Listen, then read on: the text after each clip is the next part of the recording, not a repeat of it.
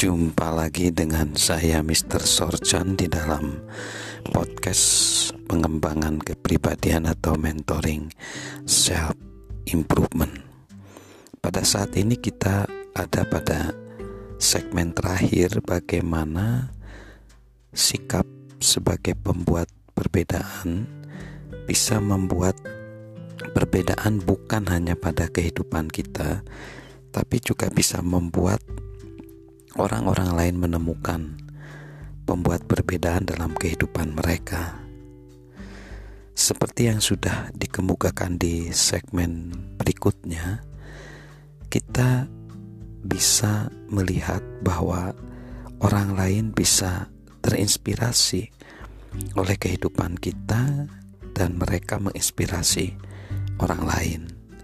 Sebenarnya pada intinya siapa pun yang membantu orang lain menemukan pengaruhnya dari pembuat perbedaan menolong diri sendiri, menolong orang lain, dan membuat dunia kecil tersebut menjadi tempat yang lebih baik untuk hidup. Siapakah yang tidak ingin berada di sekitar orang yang yakin dengan dirinya sendiri dan orang lain? memiliki harapan, dan bekerja dengan positif untuk menyelesaikan masalah-masalah dan mengatasi kesulitan. Pengalaman hidup saya sebagai orang yang menemuk yang berkarya, saya juga rindu kalau saya bisa memberikan nilai, memberikan nilai tambah pada orang lain. Jadi, pada intinya, ketika sikap bisa memberikan perbedaan kepada hidup kita, kita pun mestinya bisa menolong orang lain. Pada saat ini ada kisah, yaitu seorang bernama Carol, Carol Boss, menceritakan bahwa seseorang yang membuat perbedaan dalam kehidupannya dan bagaimana ia benar-benar ingin orang tersebut mengetahui tentang pengaruh yang telah dibuatnya. Ceritanya seperti ini. Suatu malam musim salju yang lembab saat angin bertiup dari laut utara membuat saya merindukan perapian dan sebuah buku yang baik. Tetapi saya harus mengikuti ujian akhir. Kami tinggal di sebuah flat tanpa pemanas ruangan saya berusia 21 tahun. Berusaha secara bersamaan untuk belajar bahasa Belanda dan Jerman. Profesor saya dalam program sabatikal dari USG sedang merangkum tahun pengajaran bahasa Jermannya di Belanda. Malam untuk ujian adalah saat terakhir. Saya akan menemui dia sebelum ia kembali ke Amerika. Pada akhir keras, profesor mengizinkan semua orang pulang, tetapi meminta saya untuk tinggal beberapa menit. Saya akan menilai ujian Anda sebelum Anda pulang. Saya merasa aneh, tetapi saya menurutinya. Saya tidak tahu bahwa ia akan mengubah kehidupan saya. Saat ia menyerahkan ujian saya yang sudah dinilai, Profesor USG itu berkata, "Carol, saya ingin berbicara dengan Anda tentang masa depan Anda. Saya telah mengajar di USG cukup lama. Saya punya banyak mahasiswa yang telah lulus dari kelas saya. Anda adalah salah satu dari yang terbaik dari mahasiswa-mahasiswa tersebut. Tetapi Anda tidak tahu bahwa itu tentang diri Anda sendiri. Saat Anda meninggalkan tempat ini malam ini, saya ingin Anda mengingat kata-kata saya anda bisa melakukan apa pun yang Anda inginkan. Anda dapat menjadi apa yang Anda inginkan, tetapi terlebih dahulu Anda perlu percaya pada diri Anda sendiri. Anda perlu mengubah sikap Anda tentang apa yang Anda capai secara pribadi. Sebelum kita berpisah, saya ingin Anda berjanji pada saya bahwa Anda akan melakukannya. Kata-katanya membakar ingatan saya saat saya menyadari bahwa ia tidak memiliki motivasi selain kebaikan saya. Saya memberitahu Jim, suami saya, tentang percakapan tersebut. Dia benar, kata Jim. Kukira kamu seharusnya belajar hukum dan menjadi seorang pengacara. Saya kemudian menuruti nasihat kedua orang tersebut.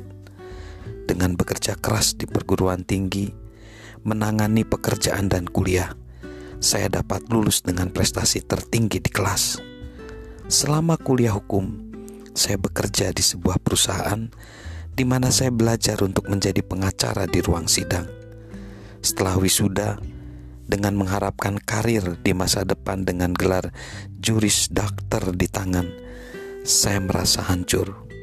Perusahaan tersebut merekrut semua pegawai pria sebagai staf hukum permanen, sedangkan saya satu-satunya pegawai yang membuat tinjauan hukum. Wanita seharusnya tidak menjadi pengacara persidangan. Untuk menjadi pengacara di ruang sidang, saya harus memulai firma saya sendiri. 25 tahun kemudian, saya diberkati dengan tim yang hebat di Bos and Glacier, di mana kami bekerja dengan klien-klien yang luar biasa. Saya memiliki keistimewaan menangani banyak kasus menarik di seluruh negeri menulis buku-buku inspirasional, dan memberikan seminar-seminar motivasi. Kesedihan terbesar saya adalah bahwa saya tidak dapat membawa anak-anak saya untuk berhasil, tetapi dengan menggunakan kesukaan saya untuk bercerita, gelar saya dalam sejarah, dan studi Rusia, saya dapat menyentuh kehidupan anak-anak di mana pun melalui awesomestory.com. Itu digunakan di seluruh sekolah-sekolah di seluruh Amerika sebagai sarana belajar mengajar online. Dan di 75 negara sebagai sarana yang menyenangkan bagi orang lain untuk meningkatkan bahasa Inggris mereka. Saya ingin profesor saya di USC mengetahui bahwa ia menjadi salah satu dari lima orang paling berpengaruh dalam kehidupan saya. Masalahnya, saya tidak ingat lagi namanya.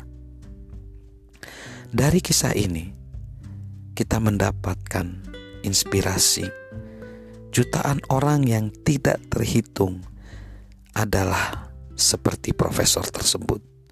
Setiap hari mereka menambahkan nilai pada orang lain dan ada kemungkinan bahwa dalam banyak kasus mereka tidak pernah diberitahukan bahwa mereka membuat suatu perbedaan. Itu juga tidak apa-apa. Pasukan pembuat perbedaan itu memahami bahwa keberhasilan setiap hari harus dinilai dari benih-benih yang mereka tabur, bukan dari tuayan yang mereka tuai. Tidakkah kita mau bergabung dengan kebangkitan orang-orang yang membuat perbedaan dalam kehidupan orang lain, saya yakin semua pendengar podcast juga mau.